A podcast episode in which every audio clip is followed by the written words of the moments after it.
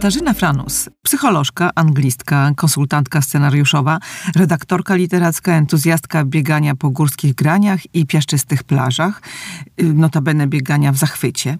Żyje w nieustannej podróży pomiędzy górami, morzem i stolicą. Mistrzyni restartów, kobieta wielu umiejętności i możliwości. Czy potrafi puścić to wszystko, czego się nauczyła, w czym się doskonaliła, żeby pójść za odkrytą wreszcie prawdą o sobie, że tak górnolotnie powiem, i jak to się odkrywa, jak odkrywa się tę prawdę o sobie. Porozmawiamy o narcystycznym skrzywieniu singielek, o odgruzowywaniu życia i o tym, jak się nie dać przemielić korporacji. A nawet może i o tym, jak się nie dać wykorzystać bezczelnym milenialsom. Wreszcie o życiopisaniu. Katarzyna Franus właśnie wydała książkę pod tytułem Osobni. Coś czuję, że w pewnym sensie autoterapeutyczną. Witam cię, wojowniczko. Cześć Aniu, patrzę na ciebie z coraz większym przerażeniem, naprawdę. Tak tyle, mnie przemaglujesz, o, to, tak? o to wszystko mnie chcesz wypytać. Jak najbardziej. Nie wiedziałam na co się pisze, nie wiem czy bym się zdecydowała, gdybym wiedziała. Dasz radę. Ale może zaczniemy od tego tytułu, bo smutny trochę. Smutny? No to ja ci zdradzę, mhm. Mm, bo tego nie wiesz jeszcze, że tytuł roboczy był zupełnie inny i mhm. brzmiał Na każdego czeka jego góra. Nie jakaś tam góra, jego góra. No to byłby tytuł optymistyczny. Yy, tak. Znaczy taki, yy, za którym kryje się nadzieja. Zgadza się, ale też były różne za zastrzeżenia wydawców. Yy. A, bo góra może być niedostępna. Wiesz, no, różne skojarzenia się pojawiają z takim hasłem. Ja powiem, co mi przyświecało. Nie chodziło tylko o górę fizyczną, bo rzecz dzieje się w górach, w pięknej przestrzeni górskiej, ale chodziło mi bardziej o górę metaforyczną o to, że ja święcie w to wierzę, każdy z nas ma jakieś zadanie życiowe do wykonania. I tak długo, jak nie jesteśmy świadomi tego zadania, albo jak jesteśmy świadomi, ale uciekamy, zamiatamy pod dywan, nie odważamy się, żeby wejść na tą naszą górę i się z nią zmierzyć, tak długo nie znajdujemy szczęścia, spełnienia i jesteśmy tacy pogubieni w życiu i towarzyszy nam niepokój, lęki. I to chciałam w tej książce pokazać, że jak się znajdzie swoją górę i zdecyduje na nią wejść, to na tej górze, jak się już wejdzie na nią, dzieją się cuda. I taki był tytuł wcześniej. No ale zrezygnowaliśmy z tego tytułu. Szukałam, szukałam dalej. Bo i, za długi. Bo za długi, bo sugerował, wiesz, za bardzo poradniki psychologiczne, bo za tak, bardzo bo kojarzył jak, się tak. religijnie, każdy niesie swój krzyż, takie były skojarzenia. Aha. Albo y, za bardzo z górami. Bo jest takie powiedzenie wśród Himalajstów, że każdy ma swoją górę, ale to jest ta góra, na której ty giniesz. Tak. Więc wiesz, dużo było skojarzeń, nie takich, o jakie mi chodziło. E, w związku z tym yy, zrezygnowałam z tego tytułu. I pojawił się tytuł Osobni przy którejś próbie, bo szukałam tych tytułów bardzo długo, aż się pojawili Osobni i powiedziałam, to jest ten tytuł. I teraz dlaczego Osobni? Nie miał ten tytuł być smutny, pesymistyczny, bo dla mnie osobność nie jest ani dobra, ani zła ona świadczy o naszej odrębności, o takiej naszej indywidualnej tożsamości. Każdy z nas jest osobny i fajnie, że jest, bo tworzy siebie w unikalny sposób. Jest osobny w stosunku do reszty świata, jest inny niż wszyscy, jest na swój sposób zachwycający. I tę swoją osobność no, budujemy od początku. W pewnym momencie, nie wiem, tam koło, pół, dziecko ma pół roku czy rok, ja już nie pamiętam, yy, nagle zdaje sobie sprawę z tego, że nie jest jednym z piersią matki zaczyna się pojawiać e, w jego świadomości poczucie tej odrębności. I od tego momentu mam wrażenie, że zaczyna się samotność, tęsknota za bliskością, za ponownym połączeniem. Pięknie to powiedziałaś. Bo I wiesz, w zasadzie, i... Mhm, mhm. bo ta twoja książka dla mnie to jest właśnie takie otwieranie się na innych, wychodzenie z tej osobności. Tak, ale najpierw musisz stać się osobnym, żeby potem swoją osobność, swoją indywidualność, swoją, to, co masz sobie ciekawego, móc wnieść do życia innego osobnego. Tak, i, I nie zapominać coś... o tym, że ten drugi też, też jest, jest osobny. osobny. I dopiero razem w tym wspólnym tańcu, dostosowując się do siebie, robiąc różne figury razem, wychodząc sobie naprzeciw, przełamując sobie lęki i różne bariery, można stworzyć zupełnie nową jakość. Zobacz, ale rzeczywiście my zapominamy o tym, że jesteśmy inni, różni, że jesteśmy osobni, że nawet chcąc być razem, jesteśmy mimo wszystko osobnymi y, wyspami. Żądamy, oczekujemy, żeby ktoś chciał poznać tę naszą wyspę zapominamy, że też musimy y, chcieć eksplorować tę drugą wyspę, która czeka. Tak, i wiesz co, ja y, dawno temu, jeszcze zanim pomyślałam o napisaniu takiej książki, wymyśliłam sobie graficznie, jak wygląda fajny związek. Wyobraziłam Ciekawe. sobie, że to są dwa kółka, które nasuwają się na siebie, czyli mają część wspólną, ale jednocześnie mają części odrębne. I to, co się dzieje w związku, to jest ta część wspólna. I tu mhm. sobie razem bywamy. Ale jeżeli druga osoba, mój partner, jest ciekawy, rozwija się, y, jest dla mnie inspirującą osobą, eksploruje różne rzeczy, to ja mam gdzie wchodzić. Ja wchodzę na je, do, jego, do niego, robię wycieczki y, do jego tak. części i się uczę i rozwijam. Tak samo jego zapraszam, on może robić wycieczki y, do, do mnie, do mojej przestrzeni. I nawzajem się inspirujemy sobą. Mhm. Tak sobie wyobrażam idealną relację. No, ładnie graficznie to przedstawiłaś, rzeczywiście. Dobrze pamiętać, niech to nam się tak wyświetla niczym baner. Mhm. Bo często jest tak, że jednak my mamy taką potrzebę, żeby narzucać swoje, swój światopogląd, swój sposób patrzenia na rzeczywistość, rozumienia rzeczywistości rzeczywistości, swoje potrzeby na tę drugą osobę. Tak. tak próbujemy... I dorabiamy do tego ideologię. Czyli często kogoś krytykujemy i mówimy na przykład, yy, bo nam się nie podoba to, co on robi, wolelibyśmy, wolelibyśmy razem z nim robić coś innego mhm. i mówimy, że tam to jest na przykład niezdrowe, co on robi, albo on tak nie należy. A tak naprawdę po prostu my tego nie potrzebujemy i nie akceptujemy tego, że on tego potrzebuje. To nie jest ważne, czy coś jest dobre, czy złe. Ważne jest, co dana osoba potrzebuje i żebyśmy sobie nawzajem pozwalali realizować swoje potrzeby. Bingo. Dobrze, to teraz wrócę do pytania, które sobie wymyśliłam na sam mm. dobry początek, mianowicie... Dawaj, już się boję, ale, tak ale odpowiem. jest autoterapeutyczna? Stała się. W ogóle tego nie planowałam. Ja po prostu chciałam napisać książkę. No, taka narcystyczna potrzeba, napisać książkę. Słuchaj, dzisiaj to prawie każdy chce napisać książkę, każdy jakąś nosi w sobie. Jest taki trend. I taki trend jest y, i chce tam gdzieś ją pokazać światu. Nie zamierzałam y, w ogóle żadnej autoterapii robić sobie książką, ale rzeczywiście tak się stało. W toku pisania jest kilka takich momentów w książce, które dla mnie były przełomowe, dla mnie osobiście. Bo widzisz, e, pisać można na dwa sposoby. Przynajmniej dwa, ale takie są dwa skrajnie różne, ale takie y, dwa typowe sposoby. Jeden to jest taki, że planujemy fabułę, y, rysujemy sobie bohaterów, postaci, mhm. wszystko obmyślamy, mamy całą strukturę, wszystko zaplanowane i to jest największa przygoda. Tu jest twórczość, a potem siadamy i rzemieślniczo, warsztatowo przelewamy wypełniamy. to, wypełniamy. I to już jest nuda. Nie? Bo po prostu idziemy we, według szymelka. Czyli najpierw trzeba stworzyć tę, tak. konstrukcję świata. A potem po prostu mhm. wpisujemy. I to wtedy jest męczące, jeżeli trzymamy się tego wzorca, który sobie stworzyliśmy. Drugi styl pisania jest taki, że nie mamy żadnej struktury, żadnego pomysłu i po prostu płyniemy. I to jest spontanicznie, fajnie się pisze, ale często można zboczyć na manowce i w ogóle ta historia poszła nie tam, gdzie trzeba i w ogóle się nie trzyma kupy. I ja znalazłam trzecią drogę i zdaje, wydaje mi się, że wielu pisarzy tak robi. Czyli y, zgrubnie sobie określa, w jakim kierunku ta książka ma podążać, mhm. ta historia, jak, jacy są bohaterowie, y, co oni tam mają zrobić, ale jednak jak już się pisze, to pozwala się tym bohaterom zatańczyć. Oni mogą tam robić różne rzeczy i wówczas zaskakują autora. No, moja hipoteza jest taka, że oni robią takie rzeczy, które tam grały w duszy autorowi, tylko się przed sobą do tego nie przyznawał, z podświadomości jego wychodzą. To jakby taka technika projekcyjna się z tego robi, nie? No i właśnie, ci moi bohaterowie zatańczyli, porobili różne rzeczy, e, weszli na takie obszary, gdzie ja nie chciałam chyba zaglądać za bardzo i no ja się parę razy poryczałam, jak pisałam, wiesz? Jest parę takich mocnych momentów. Ale nie zdradzę się. jakich, wiesz, bo to pod koniec książki jest, musiałabym spoilerować, no. Nie robimy tego.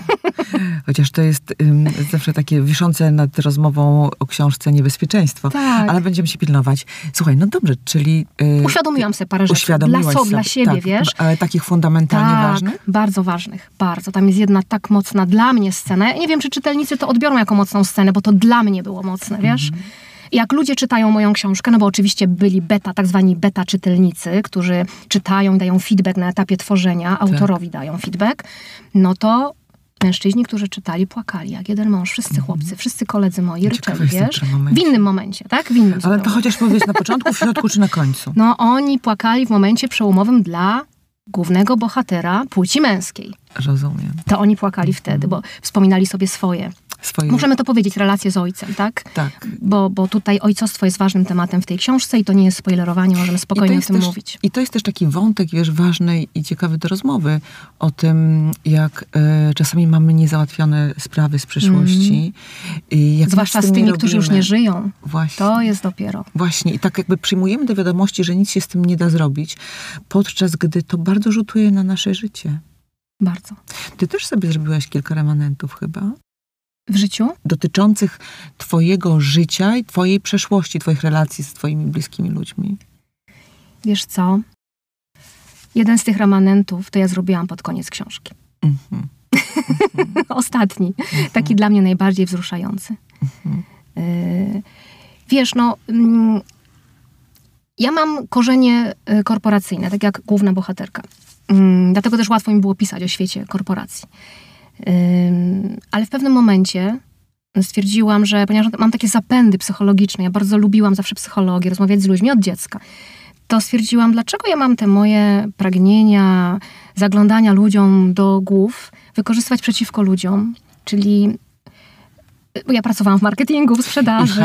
I w Też. I generalnie, no w HR to może, tu nie pasuje do tego, co chciałam powiedzieć, bo w HR to się wspiera raczej ludzi. Ale mhm. jednak w marketingu, w sprzedaży, w strategii rozwoju biznesu, no to dbasz o to, żeby ludziom wyciągać pieniądze z kieszeni, tak? No bo... I, I, do tego używasz wiedzy. I to wykorzystywałam, wiesz, uwielbiałam mhm. badania konsumenckie, projektowałam je wspólnie z agencjami badawczymi. To był mój żywioł. Psychologia konsumenta. Yy, I pomyślałam sobie w pewnym momencie tak, no dobra, tak kocham tę psychologię, może nie będę wykorzystywała jej przeciwko ludziom, żeby znajdować ich, wiesz, utajone przy, potrzeby, które zaspokajam produktami, które tworzę dla nich, wypuszczam na rynek. Zamiast tego będę ich wspierać jako psycholog. No to poszłam na kolejne studia psychologiczne, skończyłam kilka szkół terapeutycznych, coachingowych. No i, ale czemu my o tym mówimy, bo zgubiłam się? Yy, o tych odkryciach twoich. Moich odkryciach, ale coś zadałaś jakieś takie fajne pytanie. Yy, remanenty. Remanenty, jakie remanenty. zrobiłaś yy, pisząc tę książkę? Chodzi mi o twoją przeszłość, o twoje moją... relacje z A, już wiem, co chciałam powiedzieć. I w toku, wiesz, uczenia się psychologii, psychoterapii, coachingu, no to musisz też mm, przechodzić własną terapię, bo na tym polega uczenie się szkolenie się w kierunku tak. bycia terapeutą, więc oczywiście przeszłam w różnych metodach, wiesz, dałam się przeczołgać, no i tak, dużo odkryć było wówczas. Także wszystkim w ogóle polecam. To może porozmawiajmy o tym co mnie tak nurtuje, no, mianowicie o statusie, o statusie singielek obecnie, bo sama znam bardzo wiele osób, które mm, są same i mówią sobie, że są singielkami, ale to są często osoby, które nie chcą być singielkami. Ale pomimo to, że nie chcą, y, jakoś nie zmieniają statusu y, na partnerki mhm. Y, z jakichś powodów. I niejednokrotnie już zadawałam sobie to pytanie, one sobie zadawały to pytanie, ja nawet robiłam czasem jakieś wywiady na ten temat do różnych y, magazynów y, kobiecych. Jak ty myślisz, dlaczego y, singielki są singielkami, pomimo to, że, że nie za bardzo chcą być nimi?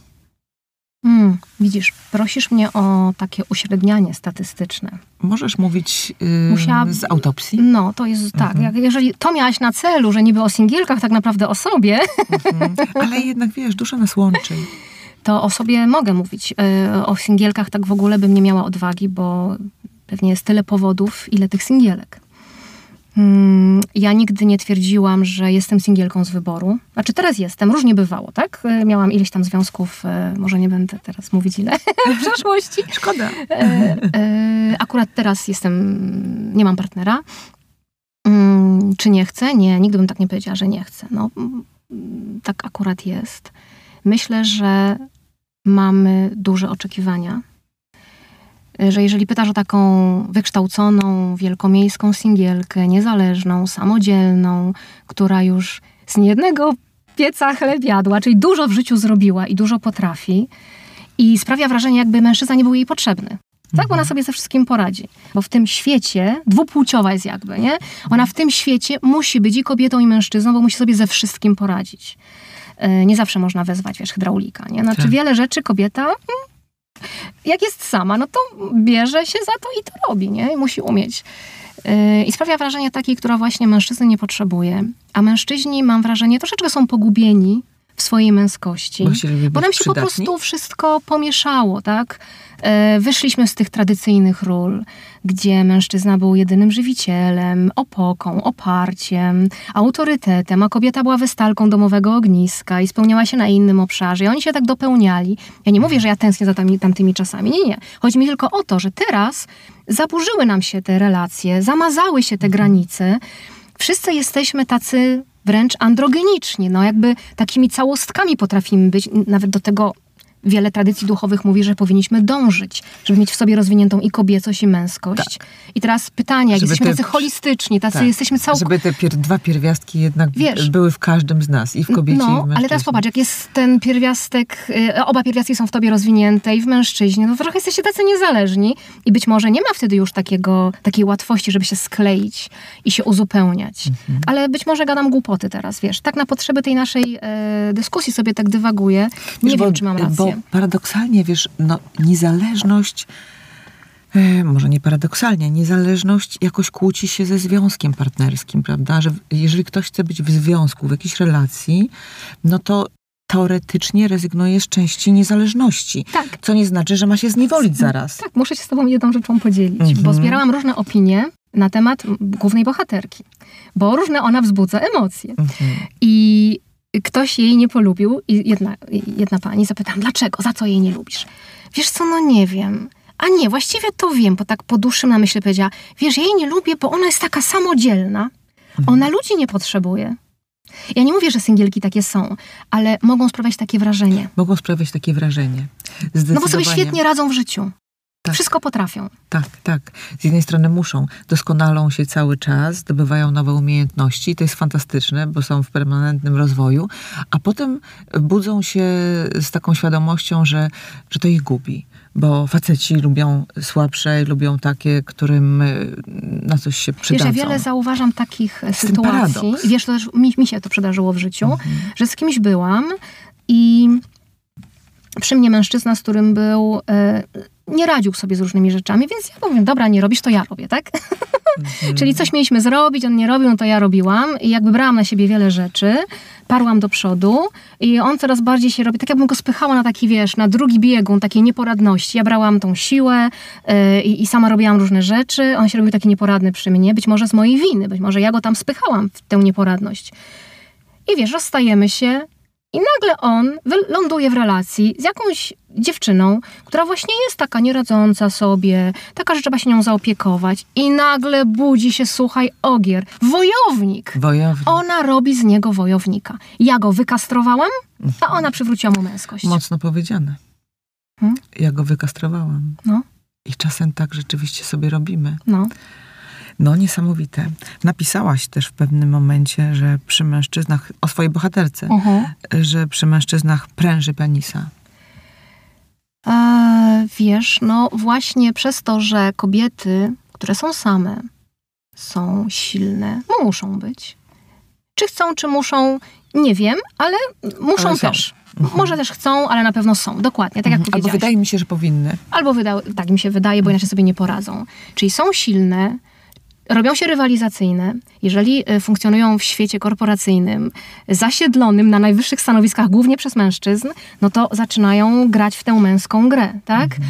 E, zaczynają rywalizować. Jeżeli uprawiają sporty, tak jak ja wiele tak. razy tam w różnych momentach w życiu, różne dyscypliny, to i tak ja rywalizowałam. Ja się na tym łapałam, że ja rywalizuję z chłopakami.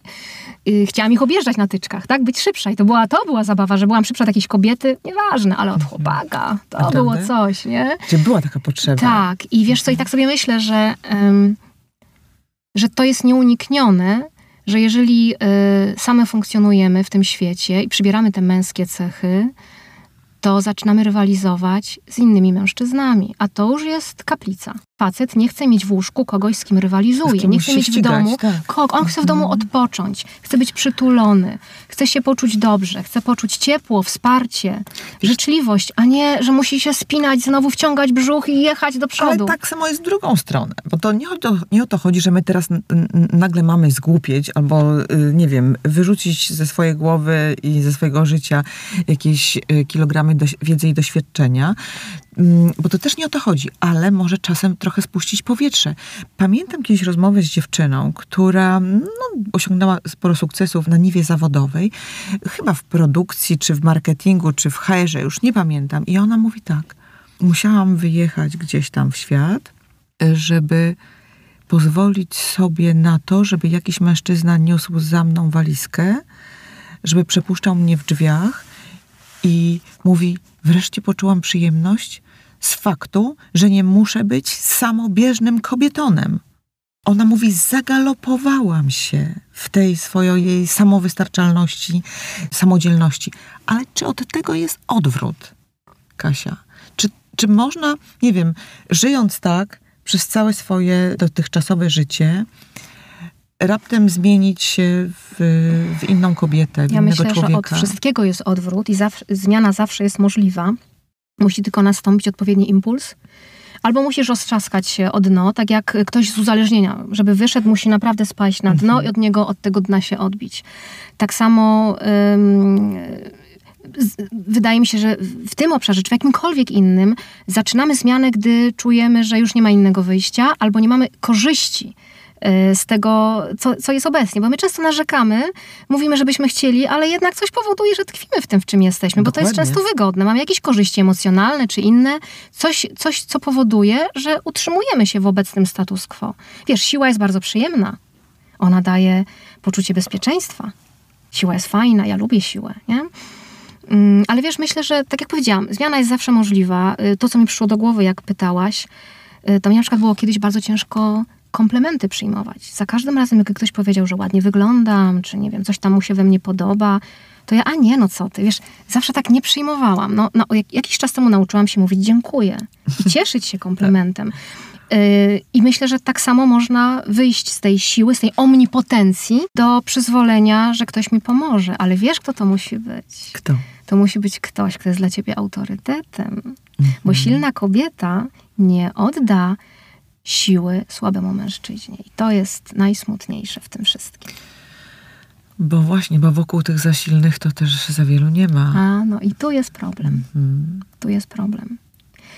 Bo ja sama czuję, wiesz, że jeżeli pojawia się w przestrzeni jakiś mężczyzna, to może być po prostu kolega, przyjaciel, ale ktoś, kto ma w sobie tę męską energię, tą właśnie energię wojownika i na mhm. przykład coś potrafi, czego się chce nauczyć, i jest dla mnie autorytetem w jakimś obszarze. I to może być zwykła rzecz, czynność jakaś, wiesz, nie wiem, jakiś nowy sport, cokolwiek, a ja czuję w nim i umiejętności, i siłę, i wiedzę, ekspertyzę, a jednocześnie taką ojcowską życzliwość, że on chce, mnie pom- chce mi pomóc, chce mnie nauczyć, jak dziewczynkę mi chce potraktować. Jakie to jest cudowne. Ta silna kobieta, wydaje tak. mi się, że łatwiej jej jest osunąć się w dziewczynkę, jeżeli ma obok siebie figurę ojcowską, czyli mężczyznę silnego, odpowiedzialnego, taki wiesz, król, nie? No tak, ale oni nie chcą być naszymi ojcami.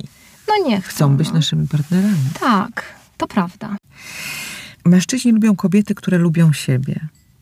Napisałaś też w książce taka znana mi skądinąd prawda. Pamiętam kiedyś chyba Wojciech Heichelberger powiedział, że najbardziej kobieca jest taka kobieta, która idzie pewnym krokiem, która jest z siebie zadowolona. Tak, sama sobie się podoba. Sama sobie się podoba. Dobrze się czuje w swojej skórze, lubi swoje ciało mm -hmm. i wtedy łatwo budzi w sobie taką uwodzicielkę. -hmm. No. Właśnie. Jak pokochać swoje ciało? Ty lubisz? Yy, tak, jeżeli jestem z niego zadowolona. A, no jeżeli właśnie. je doprowadzę do takiej, bywam, jak doprowadzę do takiej, wiesz, formy, która mi pasuje. Tak, w książce dużo o tym piszesz, wiesz, to mi się strasznie podoba, to jest nawet dla mnie takie motywujące, bo jak tam opisujesz, jak zasuwasz po tych górskich graniach i jak zachwycasz się widokami i jak zachwycasz się tą y, świeżością przyrody, wilgotnością klimatu, jak wąchasz tę wilgoć, to ja robię to z, mm. razem z tobą, ale też wspominasz o tym, jak fajnie ci tam, wiesz... Yy, jak czujesz swoje na mięśnie. nogi, jak czujesz swoje mięśnie, tak, jak czujesz jędrność tego ciała. Wiesz, no to robisz to bardzo plastycznie i mi też się zaraz chciało. Co prawda mm -hmm. nie, mhm. nie, zaczęłam biegać, ale więcej chodzę. Ale może jeszcze zacznę biegać. Czyli co? Czyli czasem bywasz zadowolona, ale żeby być zadowoloną, to twoim zdaniem trzeba mocno nad tym ciałem pracować? No widzisz, no to zależy teraz od osoby, nie? E, Ty Są musisz. ludzie, ja tak. Żałuję, że tak jest, wolałabym, żeby było inaczej. Może do tego też kiedyś dojdę. E, fajnie byłoby kochać siebie bezwarunkowo, akceptować siebie totalnie i mieć taką miłość do siebie, e, właśnie taką ojcowską albo matczyną. Hmm. Taką, wiesz, z miejsca kogoś, kto czuje do ciebie tylko życzliwość, i tak by cię chciał przytulić, nie? Taka to jest otulająca miłość. No to, no to miałam przebłyski, że takie coś czułam do siebie, ale tak na co dzień to ja, wiesz, zamordyzm, nie? Tak. I proszę. Tak, dalej, dalej, więcej, biegniemy, więcej. Biegniemy, nie? Mhm. Ale odpuszczam sobie. To nie, to nie jest tak. Jak mam, mam czas na przykład, że nic nie robię, tygodniami, miesiącami, bo wpadnę w coś, w jakiś inny flow, na przykład pracuję nad czymś, co mnie pochłania, to w ogóle nic się nie liczy tam, wiesz, ja w piżamie siedzę od rana do nocy nad czymś pracuję, bo mnie to kręci i wpadam w to.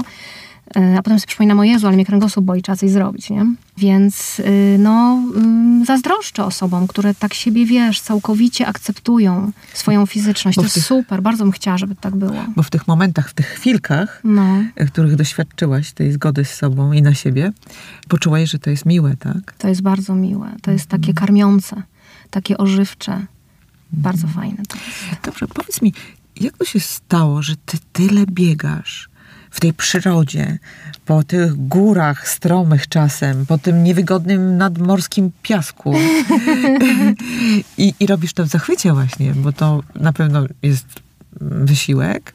Czasem piszesz albo mówisz, że pot się leje, jesteś zmęczona, ale też piszesz o niesamowitej radości, jaka się z tym wiąże dla ciebie? Mm, wiesz co, może aż tak dużo nie biegam, to tak jakoś tutaj wybrzmiało, ale to jest trochę zafałszowany obraz. Ja po prostu lub, lubię być na łonie natury i się zmęczyć.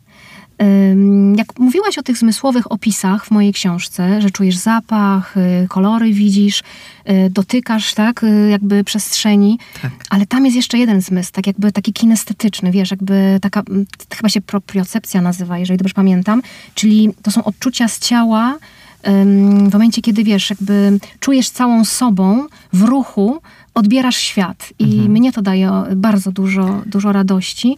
Takie wiesz, jakby taki, nie wiem jak to nazwać, jakbym się synchronizowała z całym światem. Jakbym, jakby, jakby mm, moje serce biło w rytmie y, serca świata. To jest cudowne uczucie. To jest jakby taka medytacja w ruchu, wiesz?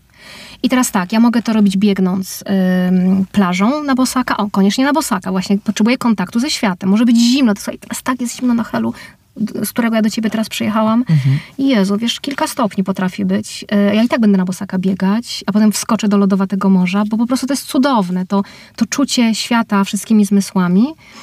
I, nie przez ubranie. I nie przez ubranie. W ogóle w piance tak. się kąpać w morzu, jak? W ogóle to wiesz, to jest jakby, tak jakbym w kondomie była, no mm. jakbym sobie uniemożliwiała wtedy kontakt ze światem i czucie tego świata. Więc ja sobie, wiesz, mogę biegać na bosaka, jak nie mam siły, to spaceruję, po prostu idę, maszeruję.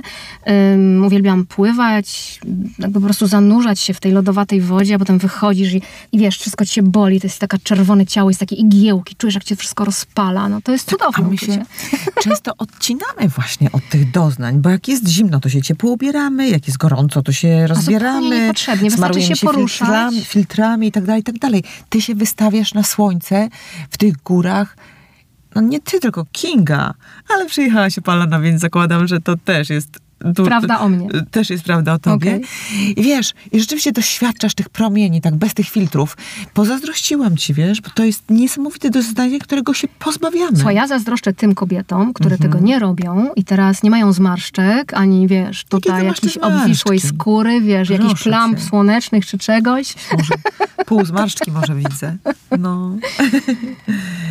Niesamowite to jest, wiesz, będę tak próbować. Tak próbuj, się jakoś, próbuj, wiesz, poczuć, poczuć po prostu, wodę wiesz, jest takie orgazmiczne. Inaczej, orgazmiczne, tak. No, no. Poczuć inaczej otaczającą przyrodę chociażby, nie? Ten las. Wiesz, jakby stajesz się jednym rzekę, z otaczającym tak. światem.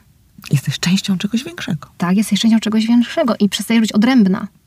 Przestajesz oh. mieć poczucie swojej odrębności, osobności. To świetne też. No i to są takie momenty, powiem ci, mocne. Mistyczne. Mistyczne. Mhm. Mistyczne. Dobrze, wiesz co, to wrócimy na chwilę na ziemię. Dobra, wracamy. Co tam? Trochę szkoda. wracamy ziemi. do korpo.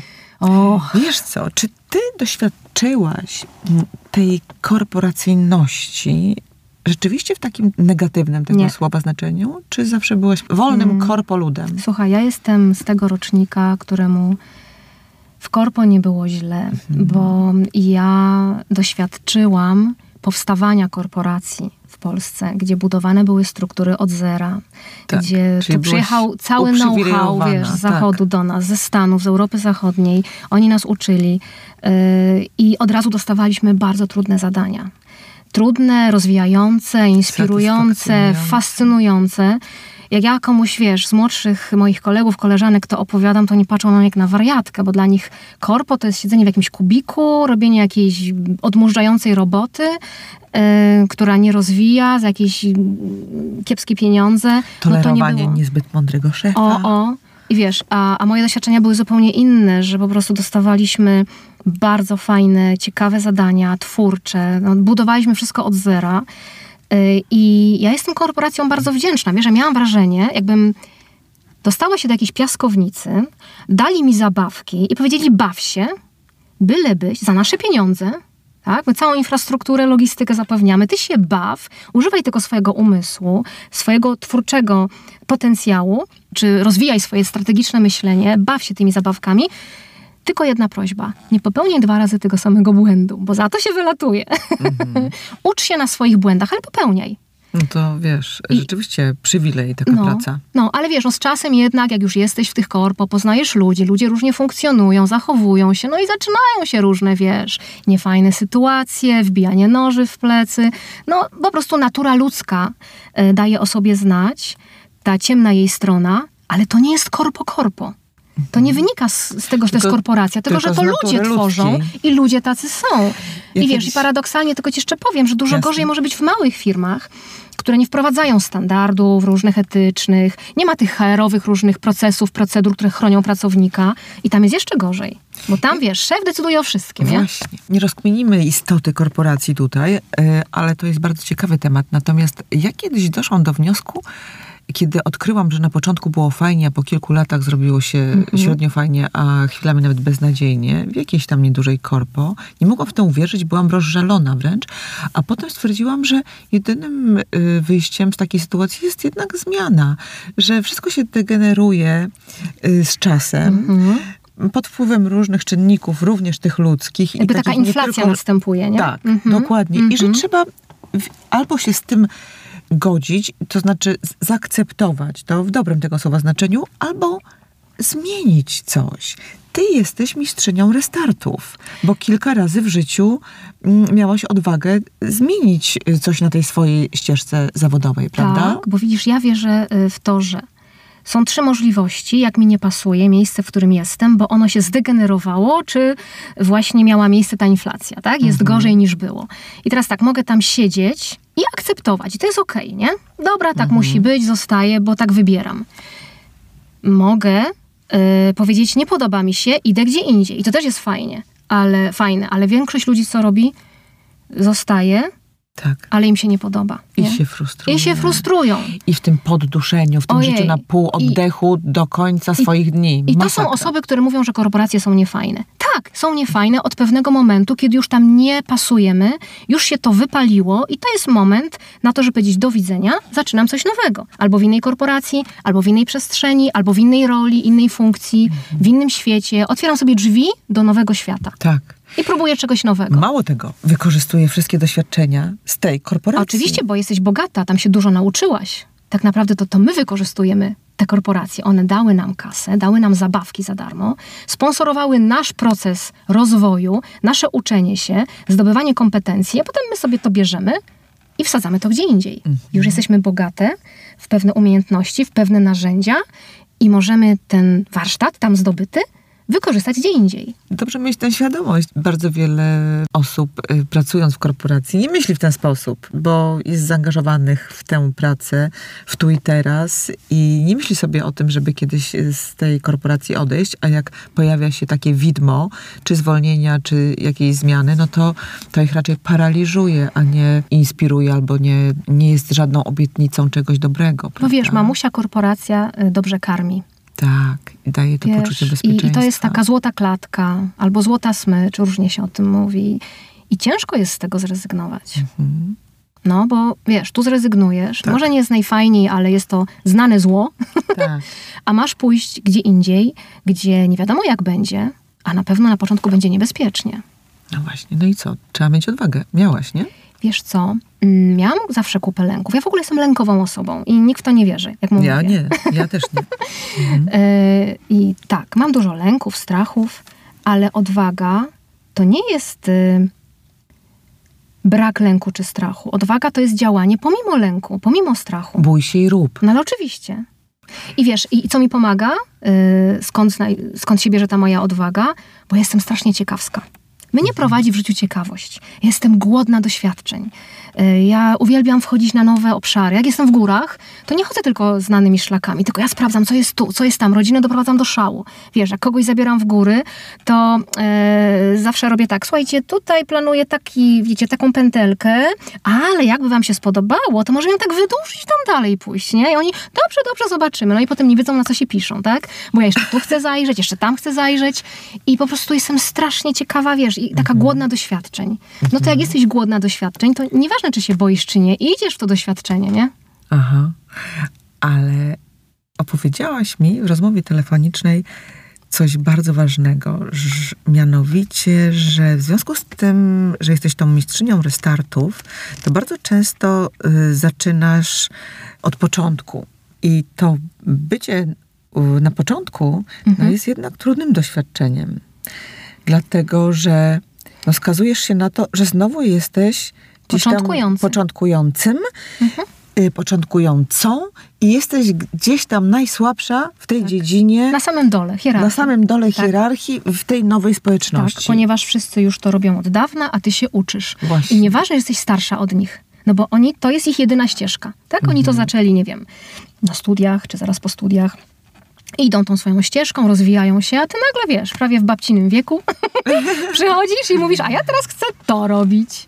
No to co, ale nie umiesz, tak? No to lądujesz na, na dole i się uczysz od wszystkich, od młodszych. Mhm. Y, I, no i to jakby taki musisz, musisz zaakceptować to, że no masz taki umysł trochę początkującego, nie masz się czym wypełnić, dopiero będziesz się wypełniała, jesteś takim pustym naczyniem, do którego wchodzą nowe treści. No tak, ale umiałeś sobie z tym poradzić zawsze? No bo Czy ja cierpiałaś? Lubię, nie, ja lubię się uczyć. Mhm. Nie było to dla ciebie jak, jakimś dyshonorem, nie. Y, bolesnym doświadczeniem, nie. to, że byłaś na końcu? Nie, nie.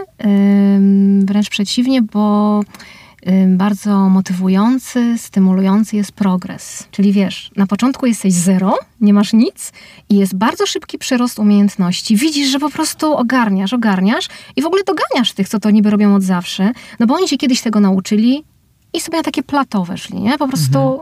już się nauczyli, sobie siedzą, nie? I często są sfrustrowani, tak? Są znudzeni.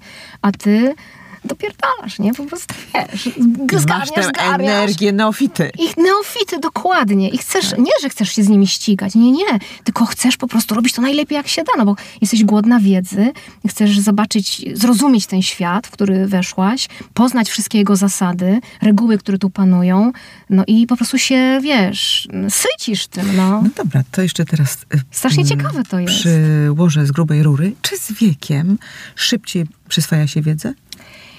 No i widzisz, e, kiedyś e, w psychologii pokutowało takie myślenie, że my z wiekiem tylko tracimy inteligencję i te mm, możliwości poznawcze. To zostało już obalone, bo okazało się e, w pewnym momencie, że tworzymy nowe połączenia neuronalne w mózgu, w co wcześniej nie wierzono. Mhm. I to było pierwsze odkrycie, ważne. A potem się pojawiło kolejne odkrycie, że nie tylko tworzymy nowe połączenia neuronalne w mózgu, rodzą się nowe neurony. Czyli wiesz, jakby twój y, mózg stale się rozwija. Ale oczywiście, niezależnie od tego, badania potwierdzają, że jednak ta giętka y, inteligencja, ona spada. Ale jest drugi, druga jakby komponenta mów, inteligencji. Mów, mów, In, inteligencja już nie pamiętam, skrystalizowana chyba się nazywa, czyli ta oparta na wiedzy, wiesz, nie? Jakby, twoje, jakby twoja giętkość umysłu, okej, okay, no troszeczkę tak jak mięśnie, no masa mięśnia ci spada z wiekiem, co byś nie robiła, nie ćwiczyła, no będzie coraz gorzej, no trzeba się z tym pogodzić, nie? Tak samo ten mózg, no troszeczkę coraz słabiej będzie pracował, ale to nie są ogromne ubytki, to są takie, wiesz, małe ubytki. Ale z drugiej strony przerasta ci wiedza, czyli wiesz, te jakby, te klocuszki, które masz, którymi obraca ta poznawcza twoja moc, nie? z których ona korzysta. Yy, I powiem ci tak, jak ja poszłam na moje studia, drugie, i to po czterdziestce poszłam na Mhm. psychologię, no to na początku było trudno, tak wiesz, pierwsze miesiące, bo człowiek musiał e, przypomnieć sobie, jak to jest, wiesz, uczyć się, zdawać egzaminy. Na, ale to była chwila. I wiesz, i potem ym, bardzo szybko y, okazało się, że mi to w ogóle strasznie proste jest dla mnie. Mi się teraz w ogóle poznaje cokolwiek, uczy dużo łatwiej niż, Niż liceum czy na pierwszych studiach, No miałam, ja- wiesz, 20 lat. Też Mam motywację inną czegoś podobnego. Tym? Teraz Właśnie. mi się chce. Dla mnie to Powiesz, jest pasja. Ja wiem, Tak. ja to robię, bo to jest mój wybór, bo mnie coś kręci. Nie, absolutnie nie zauważam w ogóle jakiejkolwiek e, pogorszenia, jakiegokolwiek pogorszenia możliwości poznawczych. A powinnam według statystyk. Mój umysł powinien gorzej pracować. Okej, czasami czegoś nie pamiętam. Aha. Zapominam, mam jakieś takie, wiesz, jak się to mówi, mgła pokowidowa. Nie miałam covida, ale... Ale mgła wystąpiła Ale wiesz, czasem. mgłę czasami miewam, nie? No dobra, słuchaj. A powiedz tak, czy ty się frustrujesz z powodu upływającego czasu, jak twoja bohaterka? Yy, nie, i zaraz ci wytłumaczę dlaczego, bo ja domyślam się, że tobie chodzi o proces starzenia się organizmu. To, Też, roz- tak. o to? Tak. Ym, że co, że pewne rzeczy są już niemożliwe? O co mnie pytasz? Co, Wiesz co? co, O czy dla to, ciebie że- jest upływający że- czas? No, że przestajesz być już tak atrakcyjna, jak bywałaś, Aha, prawda? No z wiekiem, bo są młodsze, gładsze, no jasne, seksowniejsze, seksowniejsze. Tak, tak, tak. tak, tak. Płodniejsze? Po, płodniejsze, właśnie. Wiesz, w pewnym wieku kobieta już jest nieprzydatna w ogóle, nie? Jakby do swojej głównej roli, jaką społeczeństwo jej Przekwita. wyznaczyło. Tak, przekwita, no, już nie jest kwiatem. O, właśnie, trochę obśmiewasz to określenie z lubością w kilku miejscach. Bo jest okropne, powiedz. Jest, po prostu ocenne. Tak. Dla mnie ono ma wbudowaną interpretację. Przekwitanie mm, ma w taką, wiesz, no, konotację negatywną. No, No, bardzo negatywną. No ale jak ma nie być negatywna?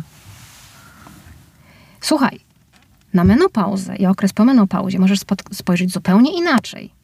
Jako na okres taki generatywny, kiedy ty w ogóle najpierw się rozsypujesz, a potem się przebudowujesz, jakby dekonstruujesz, nie rekonstruujesz, nie wracasz do tego, co było, tylko dekonstruujesz, czyli tworzysz zupełnie coś innego ze sobą, z siebie jakby, tworzysz nowe struktury, nową jakość i jakby pojawia się zupełnie nowa energia i to może być cudowne. Podoba mi się.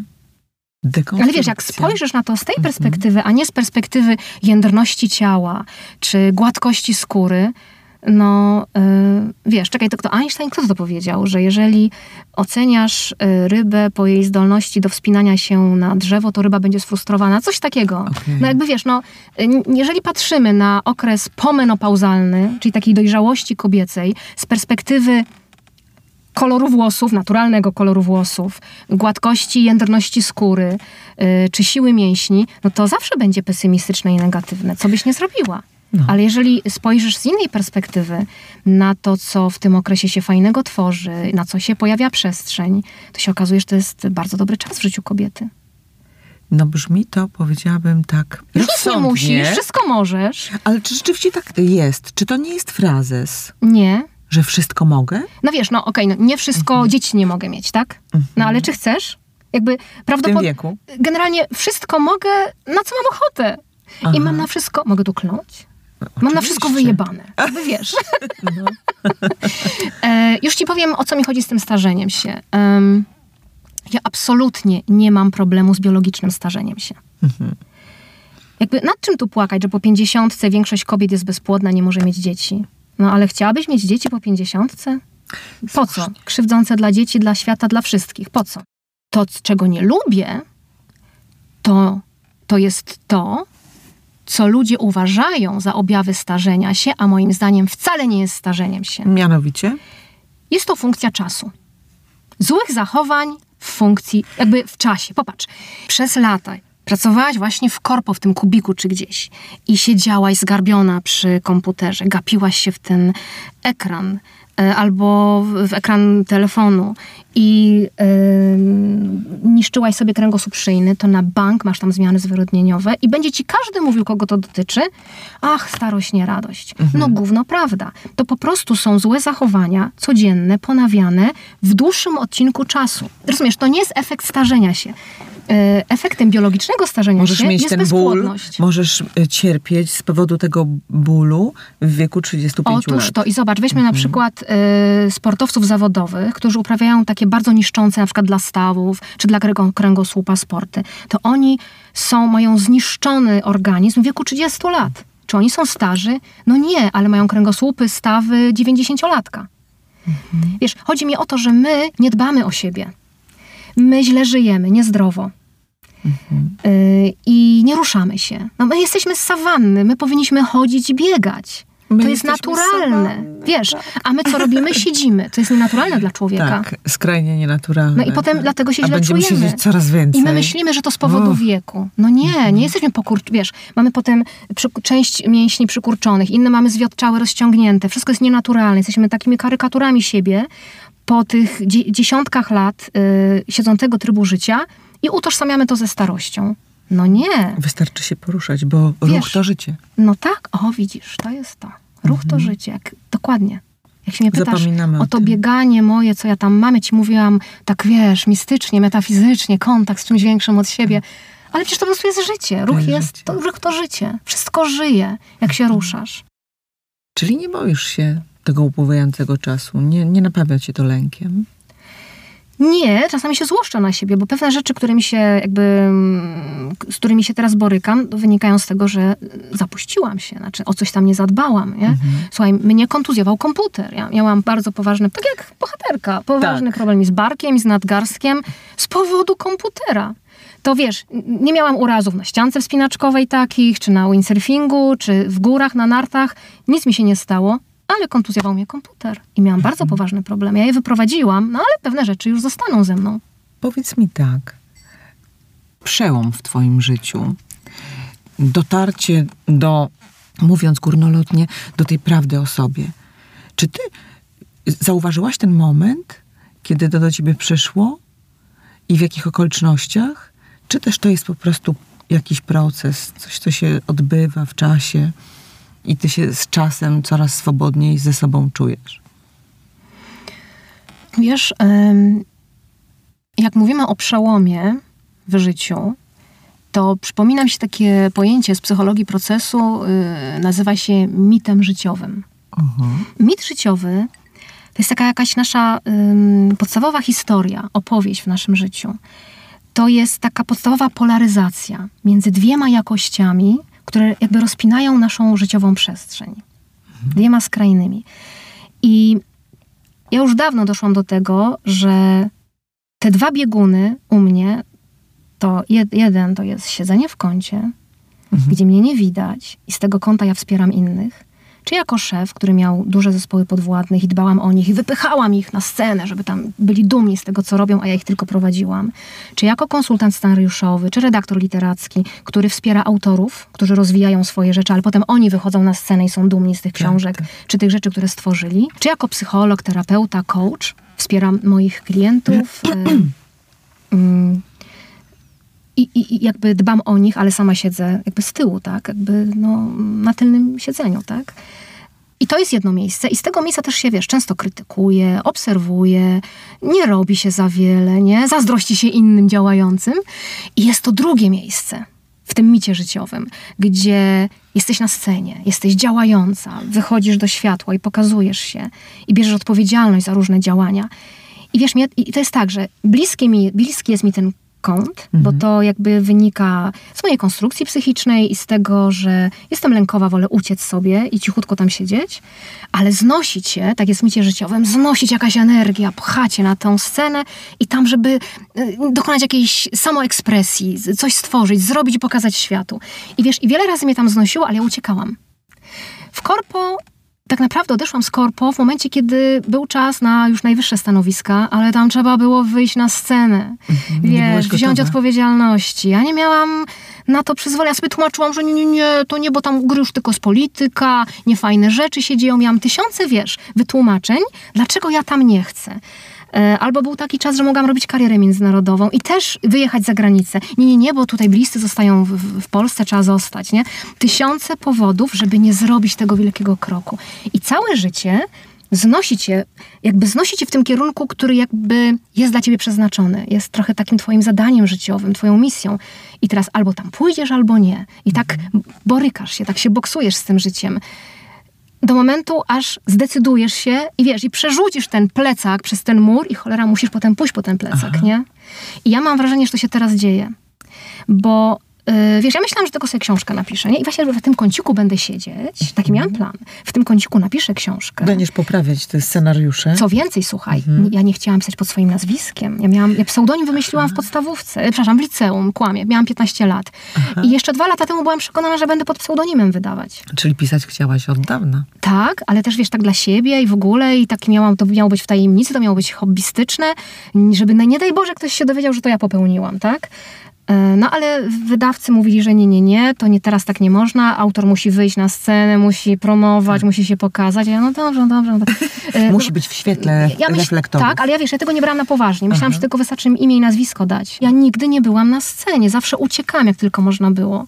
To nie jest twoja bajka? To nie jest moja bajka, a może to jest bardzo moja bajka. Właśnie. Wyparta bajka. Rozumiesz? To jest ta Bo wyparta część mojej bajki. Więc powiedzmy sobie, że ten mit życiowy, to zadanie życiowe, które mam do zrobienia, ma takie jakby dwie części. To, co bym chciała, to jest łatwe i wygodne, siedzenie w kąciku i zarządzanie właśnie z tylnego siedzenia wszystkim. Z taką lekką frustracją, Ta, o, o, o, bo to, poczuciem, że jednak tak, nie, nie, nie, bo to nie inni, żyje na pełen gaz. Dokładnie tak. Mhm. A drugą częścią tej bajki jest jednak wiesz, wzięcie tego byka za rogi tak. i zmierzenie się z tym, i wejście na tą swoją górę. Mhm. Więc tą moją górą nie jest napisanie książki, tylko wzięcie odpowiedzialności za to, że tę książkę napisałam, przyznanie się, tak, to ja napisałam tę książkę i tam cholera jasna jest dużo w tej książce o mnie. Mhm. I główna bohaterka jest całkiem do mnie podobna. No sorry, nie lubicie jej, pewnie mnie byście też nie polubili, muszę z tym żyć. No tak, ja czasem mam ochotę powiedzieć do ciebie Kingo, bo wiesz Kinga, y, ale ty jesteś Katarzyną. No ale skoro dużo z ciebie jest w Kindze, i zresztą powiedziałaś, że ta książka też ma taki walor autoterapeutyczny. Mhm. No to rzeczywiście duża odwaga. Mówisz o tym odważnie światu, że to jesteś też ty, nie? No dobrze. Odwaga, nie, nie... wiesz co, y, prawda, odwaga jest łatwiejsza niż kłamstwo. Paradoksalnie. Mhm. Bo kłamiąc, z no czasem no. czujesz się jak w więzieniu. Wiesz, i też musisz myśleć cały czas, chyba, tak sobie wyobrażam, żeby to się trzymało kupy, nie? Tak. Musisz pamiętać swoje kłamstwa. Ile energii marnujesz No dokładnie, uwiązana energia w czymś niepotrzebnym. Ja myślę, że ludzie wolą innych ludzi autentycznych, mhm. prawdziwych i wybaczą im ich y, niedociągnięcia, słabości, czy jakieś niefajne rzeczy, które im się nie podobają. Słuchaj, a ta duchowość, która pojawia się w książce, to jesteś ty, czy tylko Kinga? Te światy realne i nierealne. A, chodzi ci o ten pierwiastek takiego realizmu magicznego, y, który jest tak, w książce. Ten, czy to jesteś też ty, czy tylko Kinga? Yy, ja mam wrażenie, że wszystko, co jest w tej książce, jest jakoś o mnie. Wszyscy bohaterowie są w jakimś stopniu o mnie. Wydaje mi się, że jak cokolwiek nie tworzysz, wkładasz w to siebie, bo od siebie jest się strasznie trudno odkleić. Mhm filtrujesz po swojemu, e, widzisz świat ze swojej perspektywy. Niesamowicie trudno jest wyjść poza siebie z, takiego, z takiej metapozycji i obserwować wszystko. Więc Myślę, że ta książka jest trochę, jest mną przesiąknięta, no niestety. Mhm. A może to jest Albo tylko... Stety.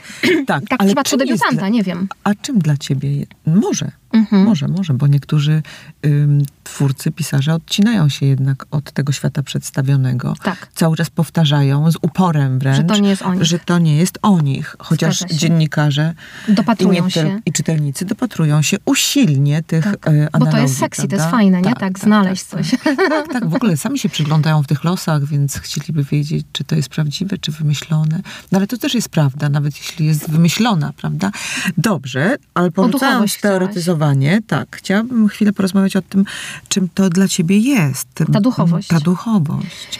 Czy to jest taki kolejny etap w życiu człowieka, może szczególnie kobiety, że tę duchowość w sobie rozwija, tak? Że tę duchowość w sobie rozwija, bo czuje, że bez tego się już nie da. Pójść że to jest dalej. jakby kolejny mhm. etap wtajemniczenia w los. A bardzo ładnie to powiedziałaś. Mhm. Ja bym się z tym zgodziła. Tak, zgadzam się z tym, co powiedziałaś. Nigdy tak Chyba nigdy tak sobie tego nie powiedziałam, jak ty to ładnie teraz sformułowałaś. Bo mi kiedyś taka osoba Ktoś tak powiedziała, tak powiedział. o jakieś 10-15 lat ode mnie starsza. A widzisz. Jak ja byłam na takim etapie, no właśnie, jednym etapie przed nią. Okay. I czasem się to przypomina, że może przychodzi taki czas w życiu kobiety, że Ale może niekoniecznie otwierać. kobiety, w ogóle może niekoniecznie człowieka, nie? kobiety, tak. E, tak. I teraz czym dla mnie jest ta duchowość? Wiesz, e, ona nie ma nic wspólnego z religią z żadną ornamentyką, dekoracją, z żadnymi rytuałami. Ona w ogóle nie jest rytualna. Znaczy, może inaczej, jest, ale to są moje rytuały. Mam takie swoje różne rzeczy, które, nie wiem, wejdę na szczyt góry i muszę zrobić. Jak ludzie widzą, co ja robię, to się śmieją, pytają się, co ja robię. A ja sobie takie serduszka wypuszczam, wiesz, wielkie rękami robię i wysyłam do świata. Bo Ładne. czuję, wiesz, taką miłość wtedy, która mnie otula. I mam poczucie, że jestem częścią czegoś większego. I teraz, czy to jest figura Boga, czy to jest po prostu jeden świat? Nie wiem i może to nie ma znaczenia. Jestem u siebie, jestem na swoim miejscu. Um, jestem jedno, jednym z tym całym światem. To jest cudowne uczucie, um, ale też, wiesz, z wiekiem mam coraz lepszą intuicję. I to też dla mnie jest jakiś pierwiastek duchowy. Um, mi się podoba taka koncepcja, że wszystko wokół nas jest energią, a jednocześnie wiedzą, informacją.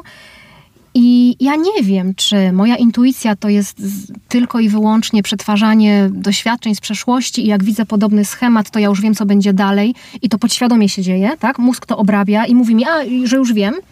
Czy to jest jeszcze coś innego, że się podczepiam pod tak zwane wiedzące pole, w którym już jest informacja na temat hmm. czegoś, i wiesz, i ty po prostu tym swoim już nadświadomym umysłem wówczas jakby zbierasz te informacje i ty skądś wiesz, jak dana sytuacja się rozwinie. Ale nie dlatego, że doświadczyłaś czegoś w, yy, wcześniej, podobnego, tylko dlatego, że ty wiesz, wyłapujesz z przestrzeni informacje, co będzie dalej. Yy, mnie się ta koncepcja bardzo podoba. Yy, no i mi też. Wierzę, teraz. że tak jest. Teraz mi się spodobała. Słuchaj, czy wszechświat już ci sprzyja? Czy sprzyja ci od momentu, kiedy, nie wiem, weszłaś na tę właściwą ścieżkę w życiu? Mówi się, że, że jak dobrze wybierzesz, to potem wszystko idzie gładko. Mm, wszechświat zawsze mi sprzyjał, gdy byłam na swojej ścieżce. ja na swojej ścieżce byłam już wiele razy. E, z czym utożsamiam ścieżkę swoją? Z tym, że całe moje ciało się cieszy, że coś robi że robię coś z dobrymi emocjami, że to jest moja pasja, że się temu totalnie oddaję i, i, jest mi po prostu dobrze. I miałam wiele razy takie momenty w życiu, no ale potem wiesz, coś się kończy, albo cię ściąga w inną stronę, albo ego podpowiada, nie, nie, nie, teraz trzeba zarabiać pieniądze. Albo chciałabyś to, no dobra, dobra, to już się pobawiłaś, a teraz wracamy na przykład do korpo, czy wracamy gdzieś, bo trzeba zadbać o to i o to, nie? I człowiek jest nieszczęśliwy i tak dalej. Mm, przy czym nie chciałabym mówić, że korpo jest złe i B i nie na mojej ścieżce, a wszystko inne tak. Nie, ja w korpo były momenty, że byłam bardzo szczęśliwa, robiłam tak. super fajne rzeczy i, i tu jestem bardzo wdzięczna za to, że miałam taką szansę, taką możliwość. I nie dałaś się przemielić. No nie, no yy, po prostu odeszłam.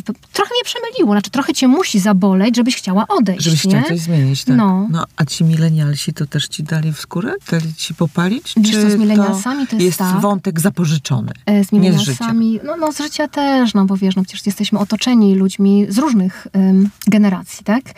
Z różnych pokoleń. Z, z milenialsami jest tak, że jeśli oni raportują do pokolenia X, z którego ja jestem, to wszystko jest ok, bo pokolenie X jest szefem i ustala reguły gry. Mhm. Jest super.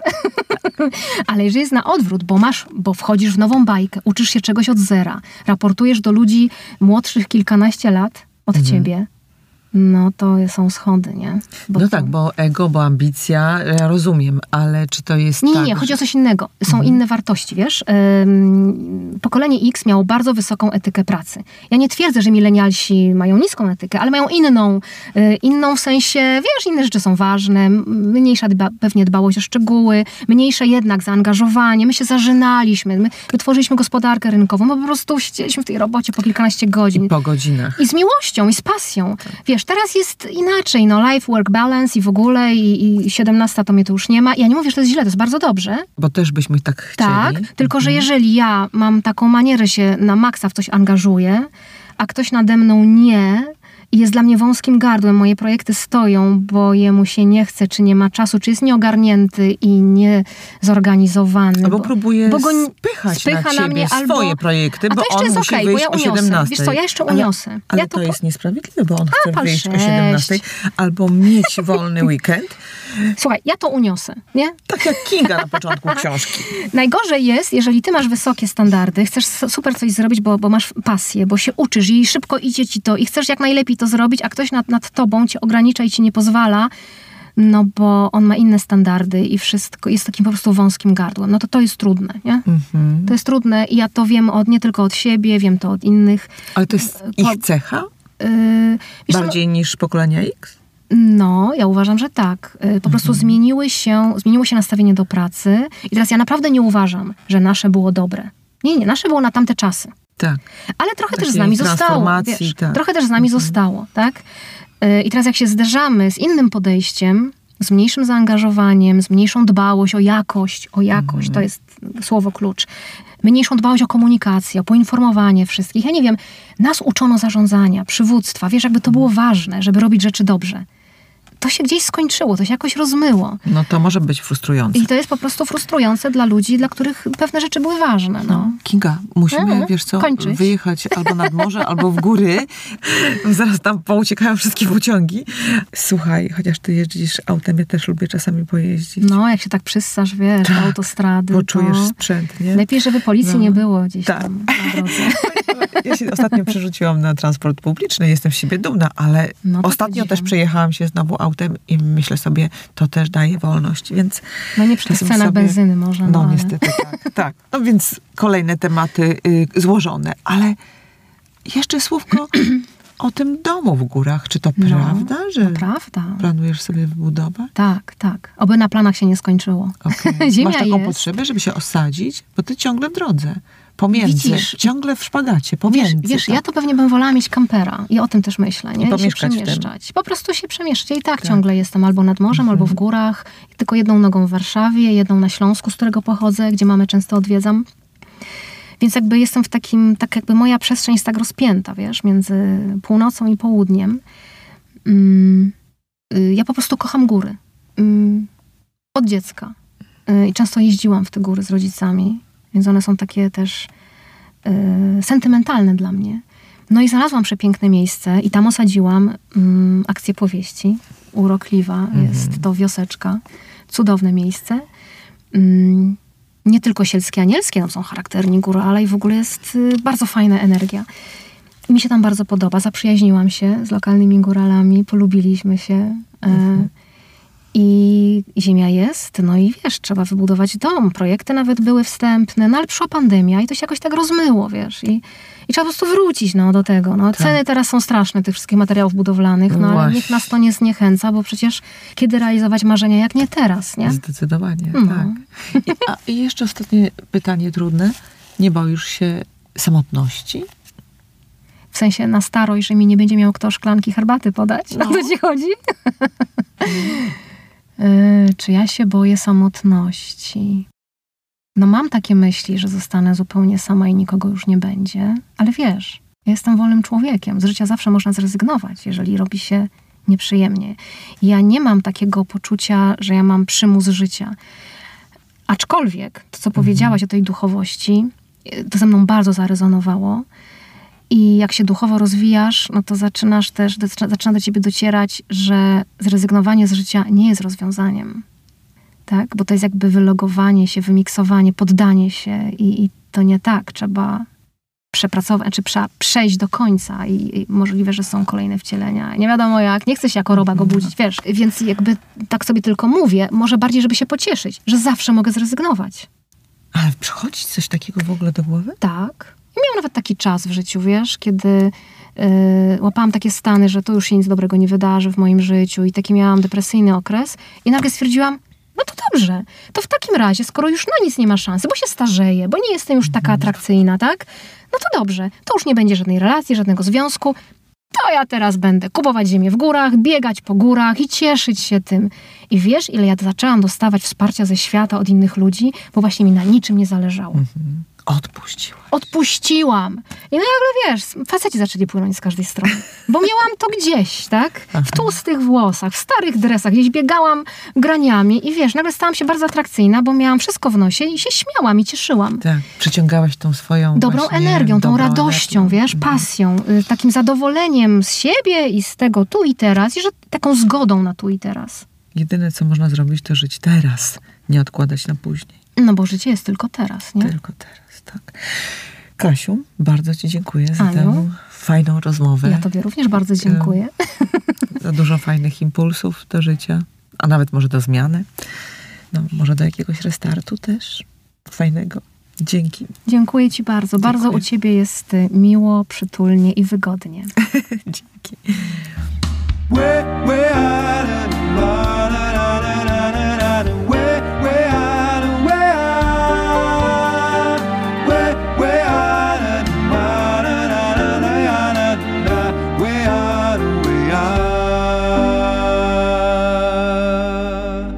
Jeśli chcielibyście wesprzeć realizację tego podcastu, to proszę wejdźcie na stronę patronite.pl, bo tak się składa, że zaczęliśmy współpracę.